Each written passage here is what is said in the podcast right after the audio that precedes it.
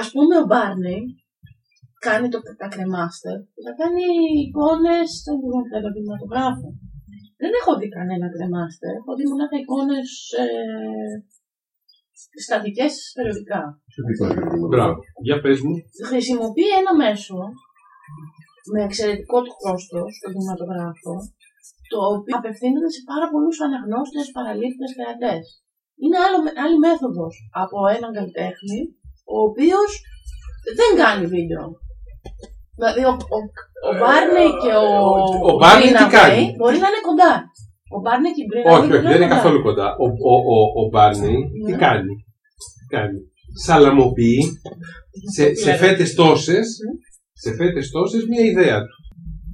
Με ποια έννοια στο λέω αυτό; Ναι. Δεν, ο, δεν, τι- δεν, δεν κατοχυρώνεται από τον πελάτη ο οποίος θα πάρει το μυστικό δίπλο. Δεν το πληρώνεται έργο του. και ότι φεύγει. είναι. Αλλά λέει, «Σ- τη- την ιστορία αυτή θα την κάνω εγώ κινηματογράφο και άρα θα μπορώ να την διασπείρω ό- ούτως ώστε να έχει πολλούς, α, Παραλήπτες. πολλούς παραλήπτες οι οποίοι να αναγνωρίζουν αυτό το πράγμα. Ναι.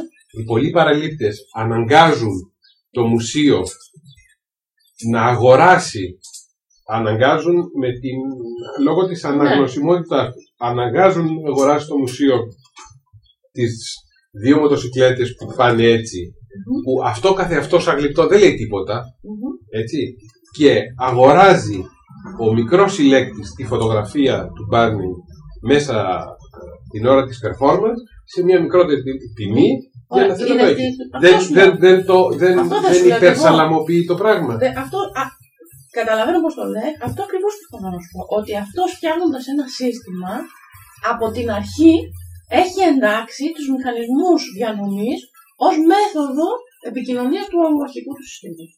Και γιατί Και αυτό, πάει την ανάποδη. Δεν αυτό το- πάει αυτό εγώ το κάνω ένα μηχανισμό- μοναδικό και μετά πολλαπλά.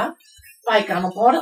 Η πρόθεσή μου είναι να κάνω ένα, ε, πο- ε, ένα πολλαπλής ανάγνωσης κείμενο, δηλαδή ένα, μια ταινία. Και παράλληλα άμα είναι έτσι. Πάω κάτσε. ανάποδα. Δηλαδή αυτό που προσπαθώ να σου πω, ότι ένας σύγχρονος καλλιτέχνης, που έχει αλλήμον αν δεν αντιλαμβάνεται ότι ενέχεται στην πράξη του οι, οι πιέσεις της αγοράς.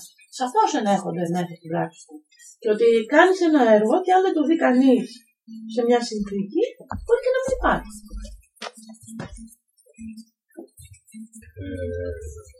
Νομίζω πως δεν υπάρχει. Ναι, ρε παιδί, μου, αλλά μέσα αυτό. στην αγορά, ε, μέσα στην αγορά, όσο και αν δεν το θέλεις, υπάρχει η έννοια του ήθους. Υπάρχει ο καλός έμπορο. Εγώ Και ο δεν σου είπα κακός δεν το έμπορος. θέλω. Εγώ το θέλω. Απλώς πιστεύω ότι ο τρόπος που το έβαλες είναι ένας τρόπος ο οποίος ήταν ε, ε, με, με μια λογική παλιός, γιατί περιόριζε την έννοια του ήθους στο, στο κέρδος.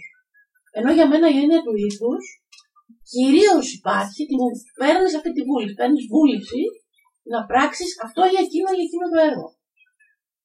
Ναι, Εκεί αλλά είναι. Μια πρόθεση δεν μπορεί να είναι ανήθικη. ηθική. Μια; Μια πρόθεση είναι πρόθεση. Μια Ούτε- πράξη είναι όμως. είναι πράξη. Αυτό σου λέω. Είναι Ε, ηθική Σου όχι. λέω, σου Και λέω ένα έργο επίσης το Άγιο, όχι. Τα ζητήματα της συνείδησης είναι ένα Ρε παιδάκι μου, το, Μα κα- το το, πάει το, κάποιος το, το το ζήτημα. έργο του Μπάρνεϊ, το οποίο είναι μία φωτογραφία, έτσι, που ο Μπάρνεϊ την, ε, την, ε, πώς, την ονομάζει καλλιτεχνικό έργο και την πουλάει σαν καλλιτεχνικό έργο. Δεν την πουλάει σαν το φουστάνι της Μωρό, ε. Την πουλάει σαν καλλιτεχνικό έργο. Έτσι. Πέρα η, η, η κριτική του καλού ή κακού έργου, του τετράγωνου αυτού, έτσι που μπορώ να κάνω εγώ, ακόμη είναι μια μαλακία και μισή. Δεν θα σου μόνος. Δεν εμπεριέχει και το ότι είσαι ανήθικος έμπορος, ότι μου πουλάς κακή φέτα. Θα σου απαντήσω. Μιλάς για τον έμπορο. Τον έμπορο ή τον έμπορο καλλιτέχνη, το καλλιτέχνη έμπορο δηλαδή. Γι' αυτό που είπες εσύ ότι εμπεριέχει και το marketing της ιστορίας. Ότι είπε ότι εγώ θα κάνω αυτό και θα το πουλήσω έτσι. Όταν Ναι. εγώ βλέπω το γλυπτό με τις δύο μοτοσυκλέτες, λέω ότι είναι μια μαλακία και μισή, Εντάξει, δεν το όπου λέω εσχροκέρδισε, Θα σου όπου απαντήσω εσχροκέρδισε ο, ο έμπορος. Εγώ πρόσφατα Ο- διάβασα μια κριτική η Και οποία έβαλε στον ήταν. Μπάρνι. Ναι, Ναι. η οποία ήταν ότι ο κύριος Μπάρνι, α πούμε, πάρα πολύ ενδιαφέροντα όλα αυτά όταν το της ε, ταινίας, αλλά όταν τα βλέπεις live είναι άθεια. Και αυτά τα κριτική νομίζω στο Latin America. Δηλαδή, αν θέλεις, ε, αποκαλύπτονται οι προθέσεις του και τα αποτελέσματά του. Διότι εμένα προσωπικά οι εικόνες του, έτσι πώ τις έχω δει, γιατί ξανά δεν έχω δει την ταινία, μου είναι από αδιάφορες μέχρι πάρα πολύ χρυσέ. Γιατί εμένα δεν με ενδιαφέρει η αφήγηση και δεν με πιάνει καθόλου η εικόνα ως εικόνα. Με πιάνει όμως η σχεδιαστική διαδικασία που προκαλούν. Γιατί εκεί ο τρόπος που άλλος ακουμπάει μια επιφάνεια καταγράφει αισθαντικά τον τρόπο που, που βιώνουμε το σώμα με τα πράγματα. Αυτό με με ενδιαφέρει. Και πάντοτε σε όλη τη ζωγραφική, αν θες είναι ένα κριτήριο, μια εικόνα είναι καλή ή όχι. Για μένα τώρα λέω. Εντάξει, παιδί μου, αλλά το καλή υπάρχει καλή, χειρότερη, καλύτερη. Δεν βάζω λιγότερη. αυτό. Στην Όχι, περίπτωση υπάρχει. του Μπάρνι,